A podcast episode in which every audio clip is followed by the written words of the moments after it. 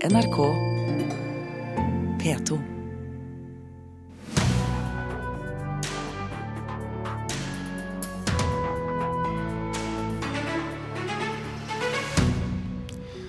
Det blir som å legge ned Olympiatoppen, sier regissør Erik Poppe. Han er kritisk til at Norsk Filminstitutt stanser finansieringsordning for regitalenter.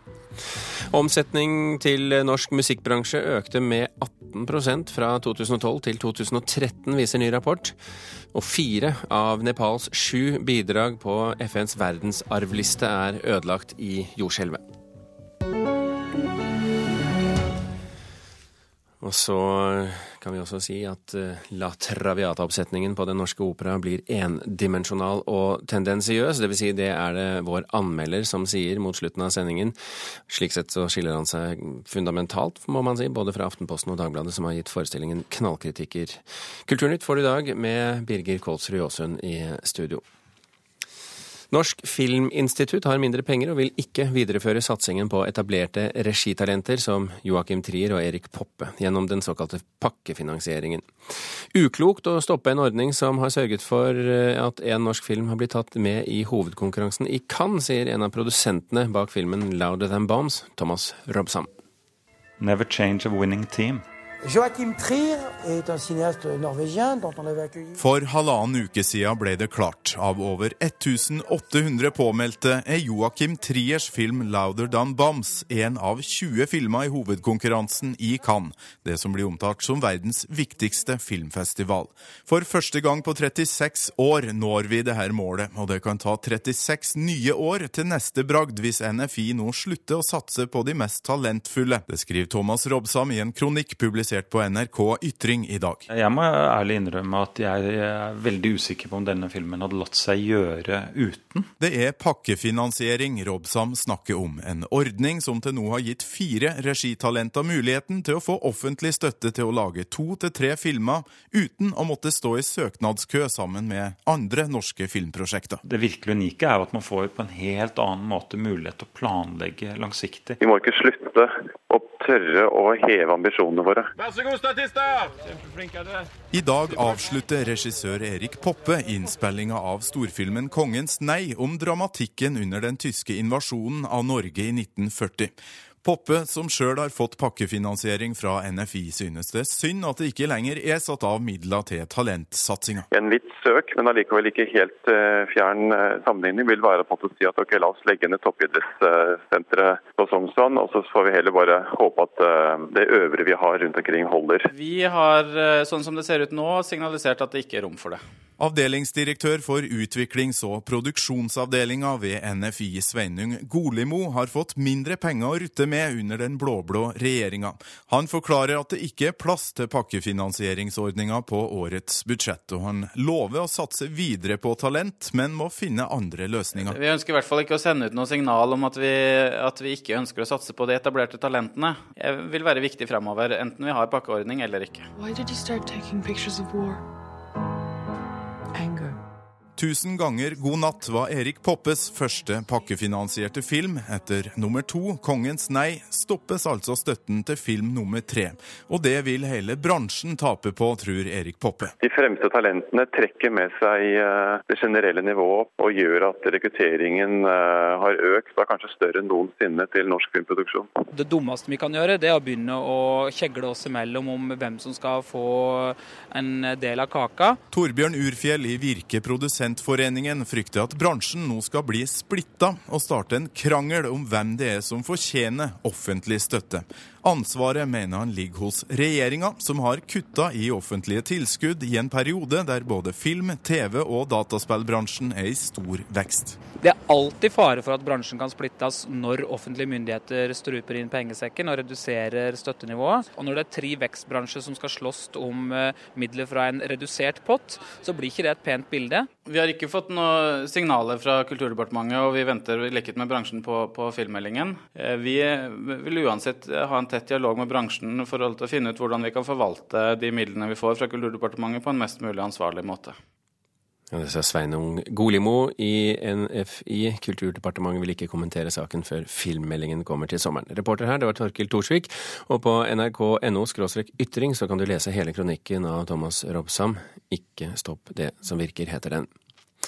Kulturkommentator Agnes Moxnes, er det et eh, stort problem for talentsatsingen innen norsk film at denne pakkefinansieringsordningen nå blir borte?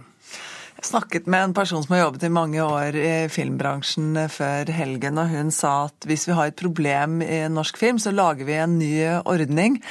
Og finansieringen av norsk film den er i stor eh, grad eh, skjer gjennom veldig mange forskjellige ordninger. Hver man skal gå inn og, og prøve å skjønne noe av hva Norsk Filminstitutt holder på med, så roter man seg bort i forskjellige ordninger av typen markedsordning, konsulentordning, pakkeordning, som vi hørte her. Eh, og, og, jeg tror vel og håper at det Sveinung Golimo, som jo er ansvarlig for finansieringsordningen i Norsk Filminstitutt eh, nå, at det han prøver på her, er rett og slett å ordne opp i disse eh, forskjellige systemene. Men ikke alle støtteordninger er jo laget i evighetens perspektiv. Burde denne ordningen, som mange mener har vært en stor suksess, likevel vært videreført? Jeg vil forutsette at Norsk Filminstitutt har et system som gjør at de fanger opp de beste folkene, om de nå er de unge, nye talentene som kommer, eller at det er en, en, en kar som eh, Morten Tyldum, eller som eh, Joakim Trier. Hvis Norsk Filminstitutt ikke klarer det, så, så graver de egentlig sin egen grav. Men i alle bransjer så går jo finansieringen litt opp og ned år om annet. og Må ikke også filmbransjen leve med det? Jo, filmbransjen må leve med det. Og det er, det er klart at denne, eh, denne meldingen fra, fra, Filminstituttet nå, den gir jo også et politisk signal, eller et signal inn til departementet, eh, og sier hei, pass på litt nå. Vi lever i de beste tider i, i norsk film eh, kanskje noensinne. Altså vi viser at all innsatsen som er blitt gjort, den blir premiert i form av en, en Morten Tyldum da, som får en Oscar, eller Joakim Trier som da endelig dukker opp og, og får ha med et norsk navn i hovedkonkurransen i, i Cannes. Men igjen så er det et et nederlag hvis man ikke klarer å fange opp disse og ha systemer som, som fanger opp disse folkene på, på, veien. Og det som skjer når man har så mange ordninger som det man har, det er jo at de ulike ordningene på sett og vis kveler hverandre i Norsk eh, Filminstitutt. Kommer vi til å merke det, vi som går på kino? Eh, vi kommer til å merke det hvis Norsk Filminstitutt ikke gjør jobben sin. Og det vi ser på kino nå, er jo at barnefilmen går kjempegodt. De får støtte. Familiefilmene går godt. Spenningsfilmene, underholdningsfilmene går godt. Mens typer som, som eh, lager de personlige kunstneriske filmene, kanskje sliter mer. Sånn at, at Norsk Filminstitutt har en jobb å gjøre, ja, det er det ingen tvil om. Agnes Moxnes, takk for at du kom.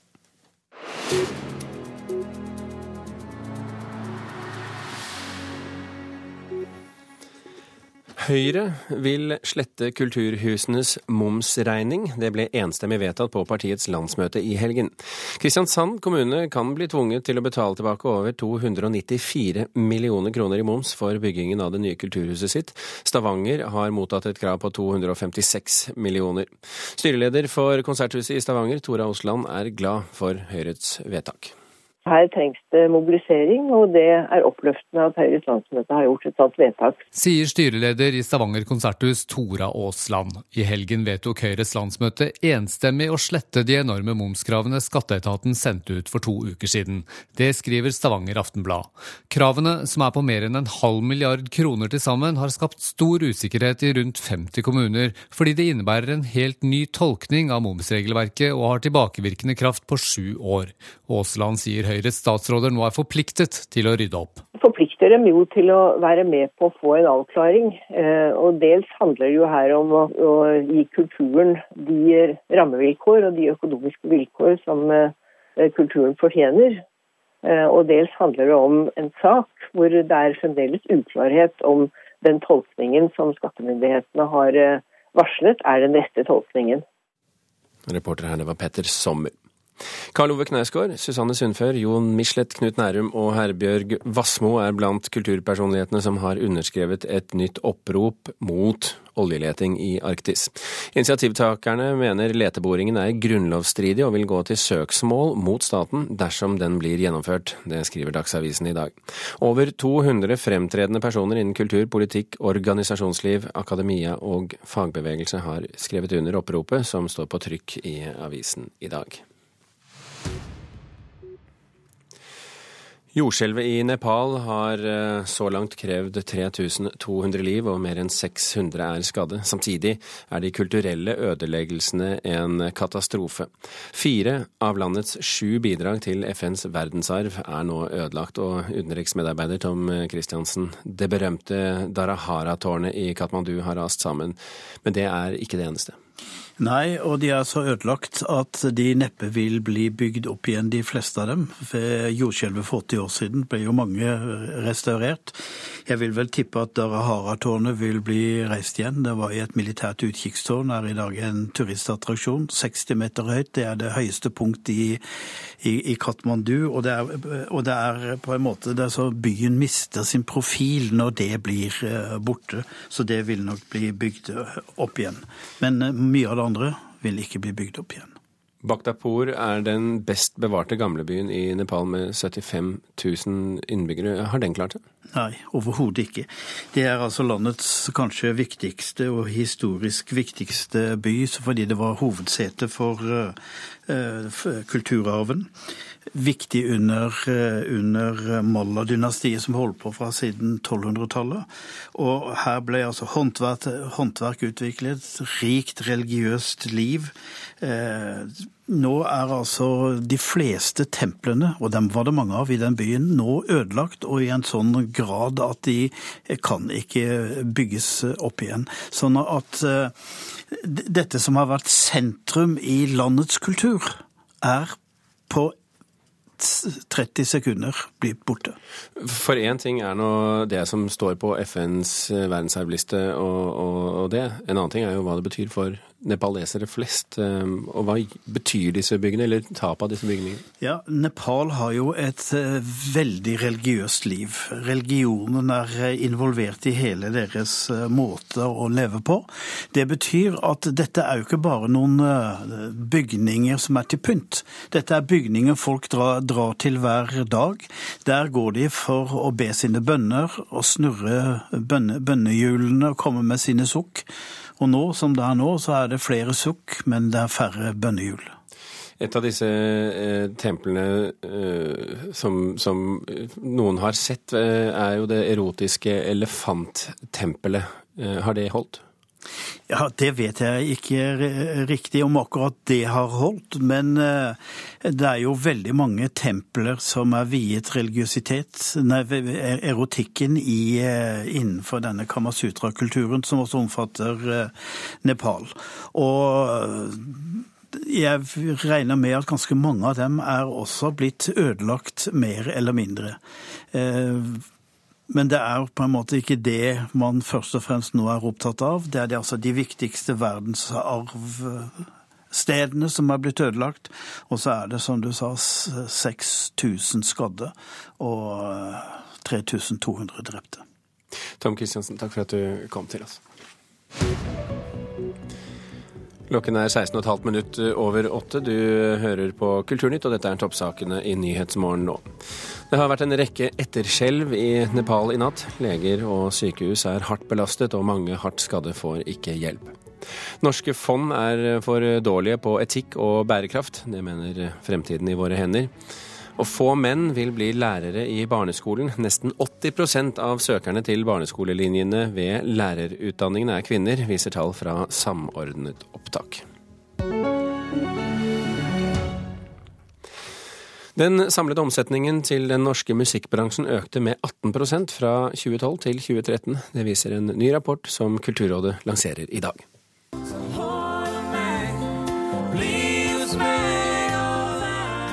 Lene Marling, Kurt Nilsen og de andre artistene som deltok i TV-serien Hver gang vi møtes i 2013, hadde stor suksess med nye og gamle låter etter deltakelsen i programmet. Og de er ikke alene om å tjene gode penger på musikken sin. Den samlede omsetningen til norsk musikkbransje økte nemlig med 18% fra 2012 til 2013. Det viser en rapport som Kulturrådet lanserer i dag. Det er andre gang man lager en oversikt over samlede inntekter for den norske musikkbransjen. Det vil si salg av innspilt musikk, inntekter fra konsertvirksomhet, samt vederlag og opphavsrettslige inntekter, og eksport av musikk til utlandet. Nico og Vince fikk sitt internasjonale gjennombrudd med låta 'Am I Wrong'. De har med det bidratt til at eksportinntektene fra innspilt musikk økte med hele 39% fra 2012 til 2013, ifølge den nye rapporten. Statistikken er basert på bransjens egne tall, og totalt omsatte norsk musikkbransje for 3,7 milliarder kroner i 2013. Og den som sa det, det var reporter Ingvild Fjelltveit. Katrine Synnes Finnskog, direktør i Music Norway, velkommen til Kulturnytt. Takk. Norsk musikk selger mer, hører vi. Hva er årsaken?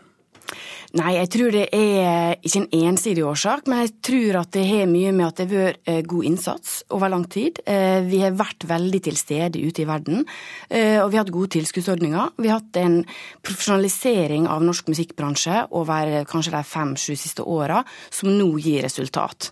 Så jeg tror det er rett og slett at vi har investert mer i å bygge en norsk musikkbransje, som nå gir økning i inntektene. Vi ser jo at inntektene øker, men hvor kommer inntektsøkningen fra? Eh, den kommer fra hele feltet. Dette viser jo tall både på innspilt musikk, på rettighetssiden og på live-inntektene. Eh, og det er alle inntektsstrømmene som øker. Eh, på eksportsida så er jo det kanskje spesielt gledelig at det er på innspilt musikk og på rettighetssida at det øker så mye. Hvorfor er det gledelig? Eh, nei, jeg tror det Altså, vi er blitt flinkere til å beholde på rettighetene våre i Norge. Og det er jo kun det som kan øke eksportinntektene. Når live-inntektene er ikke så mye økning på, men de holder seg stabile, det viser jo også at vi har vært eh, mye ute i et tøft marked. Eh, har, det er stor konkurranse, men vi klarer likevel å holde stand. Men jeg tror det at eh, vi kanskje øker de andre inntektene, beviser også at det bekrefter at eh, vi har sterke selskap som klarer å beholde på talentene som de har vært med på å utvikle. Og dette er altså inntekter som tilfaller den norske musikkindustrien? Eh, ja, det er, det er, jo det. Og det er jo inntekter som vi kan bruke på å eh, investere videre i å bygge opp en bransje. Jeg syns det, syns det viser mye at det er potensialet i å investere i norsk musikk. Og hvis eh, vi ser mot fremtiden eh, litt nå, hvor er det inntektene ventes å komme fra? Først og fremst? Nei, Jeg tror eh, veldig mange ser mye til live-markedet eh, i takt med et fallende eh, platesalg. Men det har jo vært mye snakk om det i forhold til det fysiske salget. Nå ser vi jo de seneste eh, rapportene viser jo også at eh, på det globale markedet så øker også den digitale inntjeninga. Eh, men jeg tror det er en bransje og en industri i sterke, fremdeles i veldig sånn sterk omveltning. En veldig dynamisk bransje der det kan skje veldig mye på ulike inntektsstrømmer tema. Det vi ser nå behovet for, er jo å få mer analyse av de tallene som ligger, slik at vi kan bli flinkere til å strategisk planlegge hvor vi skal tjene penger i framtida. Så det vi eh, gjør bl.a., er jo å se på inntektsstrømmer rundt en artist. Så jeg tror det at musikk i tall gir et godt og et nytt eh, grunnlag for videre analyse, sånn at vi kan bestille mer rapporter som kanskje da belyser f.eks. inntektsstrømmer. Vi får se hvordan det vikler seg ut. Eh, tusen hjertelig takk, Katrine Synnes Finnskog, for at du kom til oss.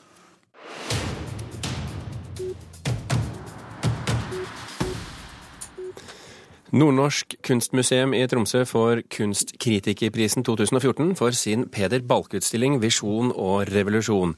At et lite museum klarer å markere seg internasjonalt, er en av grunnene til at et samlet norsk kritikerkorps gir prisen til nettopp denne utstillingen det er fordi at et lite kunstmuseum har klart å slå seg frem i storinternasjonalt selskap med en norsk kunstner som omtrent ingen har hørt om før i utlandet. Det er en stor faglig prestasjon, og jeg tror det er det medlemmene av Norsk Kritikerlag har villet påskjønne.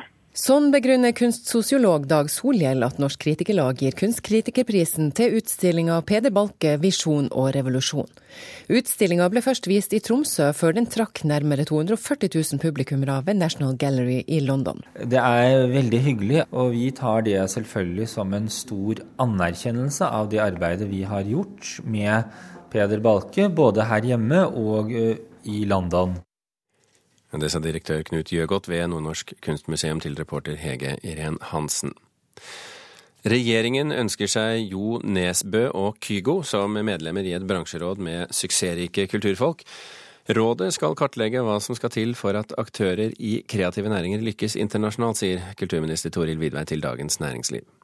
Arbeiderpartiets tidligere kulturminister Trond Giske anklager den sittende regjeringen for å resirkulere gamle ideer, og sier den etablerte et tilsvarende råd, der annet Jan Fredrik Karlsen var med.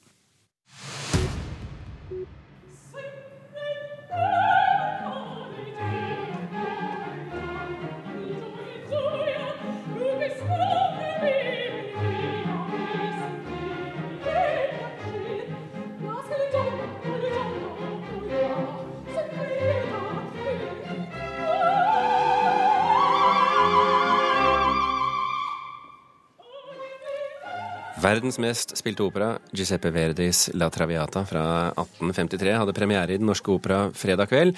Oppsetningen var signert den prisbelønnede tyske regissøren Tatjana Gyrbaka, som har ambisjoner om å gjøre operaen relevant for vår egen tid. Anmelder Øystein Sandvik, klarte hun det? Ja, Det har i hvert fall blitt en langt mer politisk og samfunnskritisk La Traviata enn vi er eh, vant til, hvor eh, til dels veldig tydelige virkemidler brukes for å skildre et samfunn hvor penger og makt er det som teller. Festscenen i starten av operaen f.eks. utvikler seg omtrent til en følelseskald eh, sexorgie, utspilt på en stor plattform, en slags scene på scenen, som er liksom hovedgrepet rent scenografisk her. Den står der gjennom, mest, gjennom det meste av operaen i dystre og mørke farger. Det er interessant, og det gjøres mange eh, tankevekkende regigrep underveis, men likevel er det bare unntaksvis at dette er virkelig gripende. Hvordan reagerte publikum på denne seksualiseringen? Det var noen som bua, eh, i hvert fall helt til slutt. Så, men, som fikk nok, nærmest? Ja, Om det var det man bua til, eller det, det, vet jeg ikke. Men vi har jo blitt vant til å se det etter hvert. Så det er jo litt sånn, man gjesper jo litt når man liksom ser menn står der med buksa rundt anklene på scenen, må jeg si det. Eh, verdens mest spilte opera til tross, la oss få en liten eh, påminnelse om hva det handler om. Ja, Det er jo Violetta da, som forlater sitt liv som luksusprostituert i Paris for å leve i sann kjærlighet med Alfredo, men tvinges av Alfredos far, eller la seg i hvert fall overtale, til å forlate Alfredo for å redde da, denne familiens gode navn og rykte. Og Når det da igjen forenes i siste akt, og alt er tilgitt, så er det for sent. Violetta dør av tuberkulose. Dette er jo forsøket fra regissøren om å utfordre forestillingen om at Violetta Martha er et offer. Lykkes hun med det? Altså Hun sier samtidig at alle karakterer i denne operaen er uh, ofre for et kaldt kapitalistisk system som undergraver de sanne menneskelige verdier. Um, sånn at døden, da som Violetta faktisk dør, er en slags heroisk martyrdød ved å så å si stå opp mot systemet. Altså Det er en etisk handling da, i stedet for en uh, tragisk omstendighet. og Derav uh, ikke en, et offer på den, hun er ikke et offer på den måten. Og Her blir da den store plattformen krympa ned til å bli kanskje en likkiste og også en slags sokk sokkel, eh, hvor eh, den døende Violetta strekker seg mot himmelen i en lyssele i dødsøyeblikket. Og dette er en tolkning av eh, Violetta-rollen som kanskje ikke helt omviser, men det er definitivt et blikk på operahistoriens mest kjente kvinneskikkelse som er nytt og forfriskende.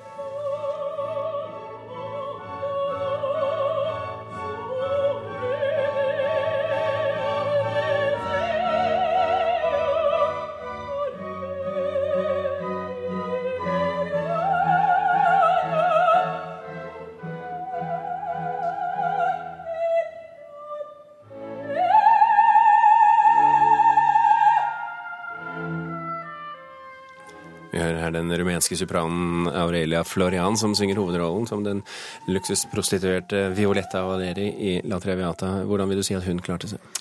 Jeg syns det er noe ujevn eh, prestasjon. Eh, en, en, flott klang som blir litt eh, skingrende i høyden. En, en, litt flagrende vibrato som gir mye intensitet i de mest effektladede scenene, men som likevel går en god del utover presisjon, f.eks. i den veldig virtuose arien i første akt.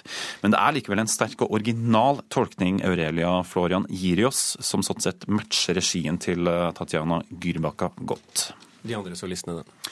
Ja, Vi fikk jo da et gjensyn med Daniel Johansson, svensk tenor, som uh, måtte steppe inn på kort varsel for uh, Marius Rott Christensen, som ble syk. Han gjør en stødig, kanskje litt enkel tolkning av uh, Alfredo. Derimot imponerer bariton Audun Iversen nok en gang. Dette er en ny rolle for han, i rollen som da Alfredos far. Praktfull stemme og stort uttrykksregister der. Audun Iversen. Vi leser i helgen en uh, strålende uh, anmeldelse uh, i Aftenposten. I dag så fikk den, denne forestillingen terningkast seks i Dagbladet. Du er mer tilmålt?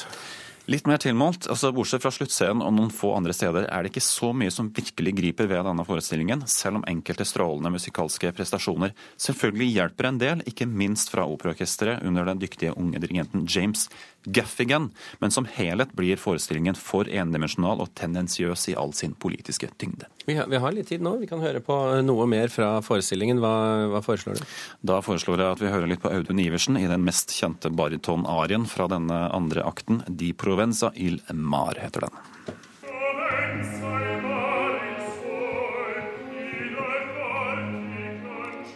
Fra La Traviata, anmeldt av uh Øystein Sandvik. Kulturnytt er uh, slutt. Marianne Myrhol, uh, Gjermund Jappé, Birgit Kålsrud Aasen takker for følget. Hør flere podkaster på nrk.no podkast.